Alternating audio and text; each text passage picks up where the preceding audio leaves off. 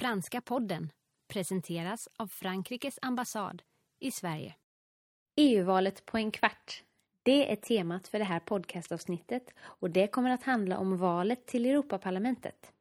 Vi kommer att intervjua Pierre Kjellekens, chef för Europeiska kommissionens representation i Sverige. Men först lite introducerande information. På Europeiska unionens officiella hemsida europa.eu kan man läsa följande angående valet. Den 22 till 25 maj 2014 hålls val till Europaparlamentet för nästa femårsperiod.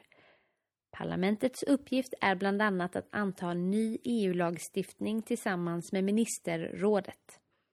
Parlamentet är det enda folkvalda organet i EU och företräder EUs 500 miljoner invånare. Det är den ena av EUs båda lagstiftande institutioner.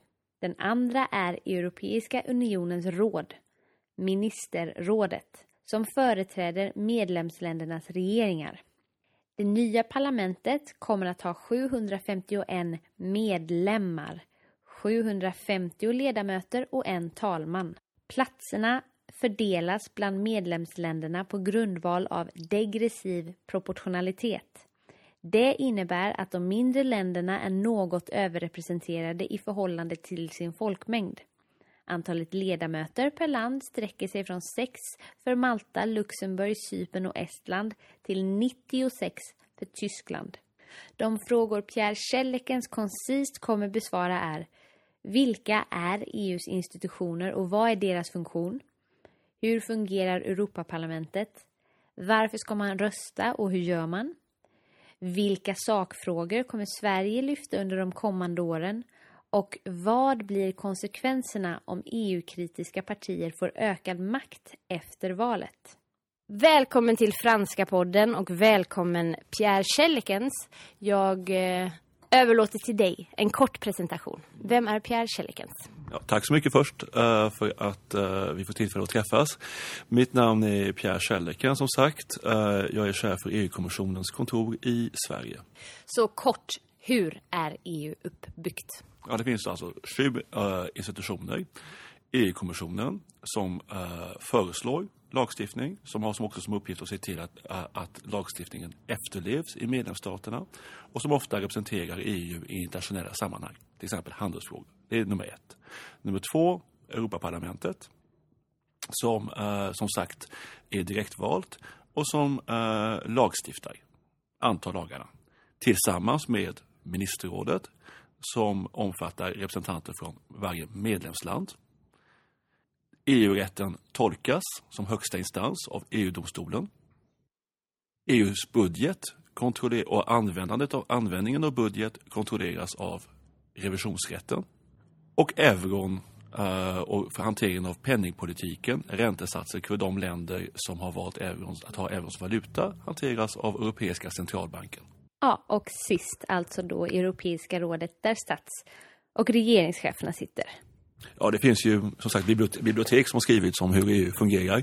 Men väldigt kort eh, så fungerar EU som eh, ett eh, samarbete mellan länder. Men ett samarbete mellan länder som är lite mer än bara ett samarbete i traditionell mening i det att vi har ett rättssystem, EU-lagar som antas. Dessa lagar gäller inom hela EU. De gäller över nationell lagstiftning och de är antagna gemensamt. Och hur tar man då en sån lag? Ja, i princip så är det EU-kommissionen, alltså vi, jag och mina kollegor, som uh, föreslår lagstiftning, lägger det på bordet.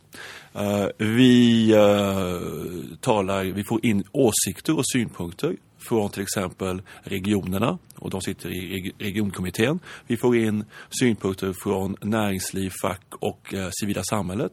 De sitter i ekonomiska och sociala kommittén. Men så går förslagen till parlamentet först och till medlemsstaterna sen. Och när parlamentet som ju då är direktvalt, det är det det handlar om, 25 maj, eh, och medlemsstaterna har kommit överens, då har vi en EU-lag. Så det är ett, en form av medbestämmande. Lagstiftare är inte EU-kommissionen, lagstiftare är Europaparlamentet och medlemsstaterna som då sitter i ministerrådet. Europaparlamentet lite mer ingående. Eh hur fungerar arbetet där? Europaparlamentet fungerar på det sättet att man har eh, partigrupper som motsvarar ungefär de partier vi, vi har i Sverige eller i Frankrike. De skiljer sig lite, men i princip så är det samma sak. Och de här partigrupperna uh, finns uh, till exempel för, liberaler, för, för, Liberalerna eller för Socialdemokraterna eller för högerpartierna, kristdemokrater och högerpartier. De sitter, ledamöterna sitter i olika utskott Eh, som behandlar de olika förslagen som kommissionen har lagt. Uh, när utskottet har röstat om de här förslagen så går de in i eh, uh, uh, plenissalen och där bestämmer parlamentet, där röstar parlamentet om sin synpunkt. Och när man har bestämt sig om vad man tycker i en fråga, ja då går det som sagt det vidare till medlemsstaterna och sen måste de två komma överens. Men parlamentet fungerar som ett ganska vanligt parlament med ledamöter, partigrupper, utskott. Och just eh, de svenska partiernas sakfrågor och program som de vill lyfta nu i framtiden, vad är det? Ja, det är ju inte riktigt min sak att, att kommentera de svenska partierna. Uh, men jag tror att, det, att över hela Europa så, så kommer ju givetvis uh, den ekonomiska krisen, efterdyningarna av den ekonomiska krisen. Nu, nu verkar den europeiska ekonomin må bättre. Uh, vi är på väg upp igen. men fortfarande så är det så att vi ser hög arbetslöshet i många delar av EU. Det har fortfarande inte blivit så att tillväxten har lett till fler jobb, överlag i alla fall inom, inom genomsnitt i, det, i hela EU. Uh, och jag tror att just den ekonomiska krisen, de, de sociala konsekvenserna av den, uh, den ekonomiska krisen kommer att vara en väldigt stor fråga i, alla, i samtliga EU-länder under valkampanjen. Varför är det viktigt att ta sig till vallokalerna eller till röstningsbåsen?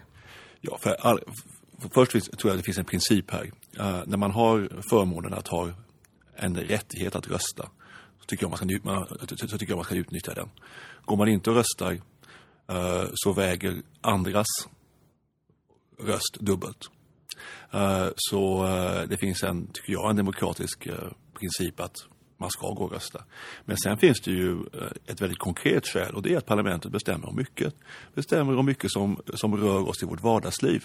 I form av miljöregler, i form av standarder för matprodukter och regler för matprodukter. I form av uh, satsningar på infrastruktur, energi.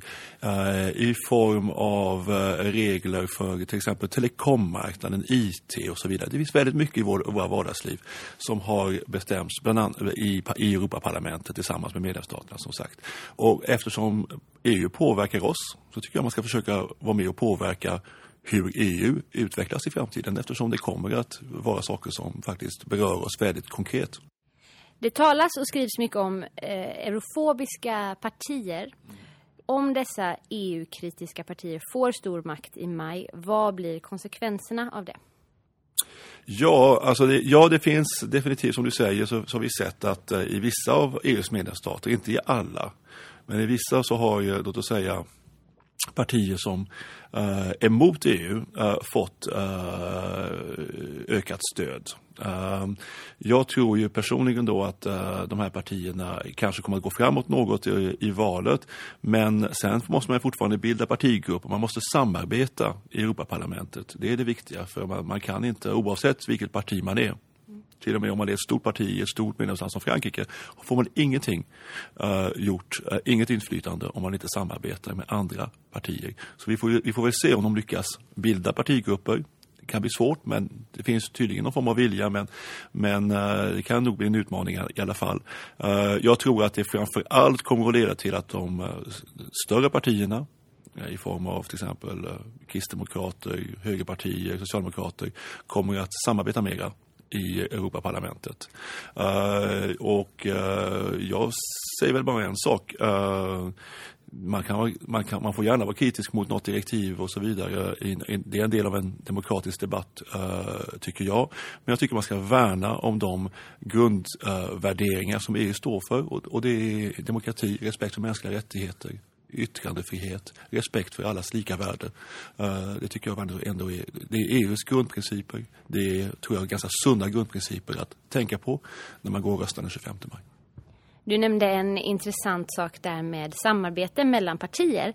Du kan väl förklara lite kort hur det går till då? Man röstar alltså eh, på en ledamot och på en partipolitisk tillhörighet här. Det är inte så att svenskarna åker ner och samarbetar med svenskar utan man söker sin tillhörighet där nere för att bilda grupper då som du säger. Kan du förklara den processen lite kort bara? Ja, alltså för, för vissa partier är det ganska uppenbart då.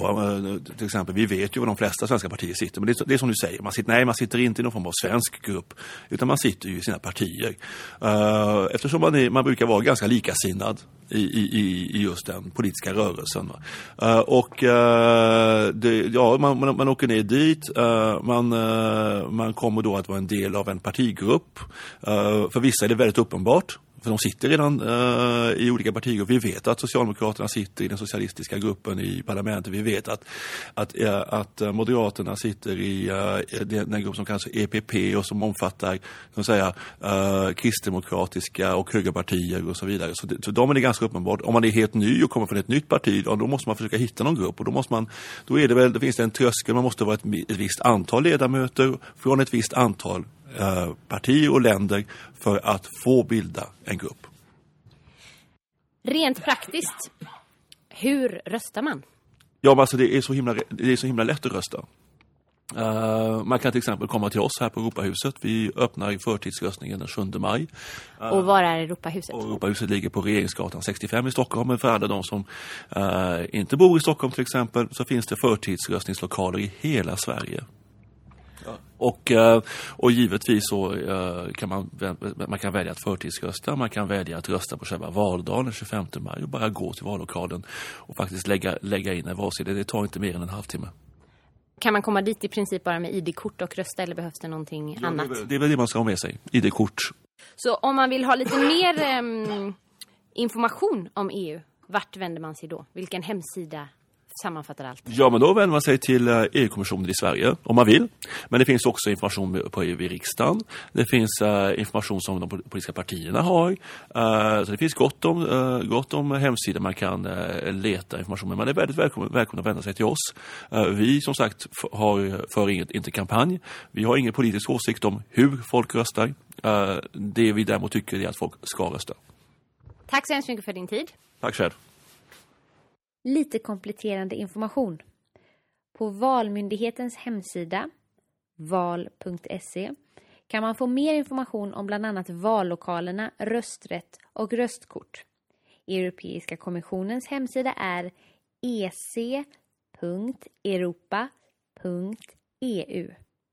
EUs officiella hemsida är europa.eu.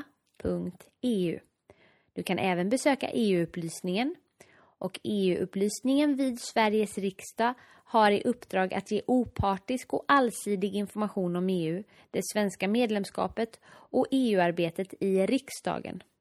Deras hemsida är eu-upplysningen.se Frankrikes ambassads hemsida innehåller information om franska ambassadens arbete.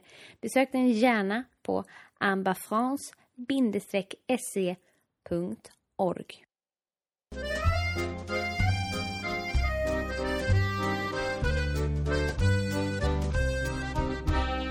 Franska podden presenteras av Frankrikes ambassad i Sverige.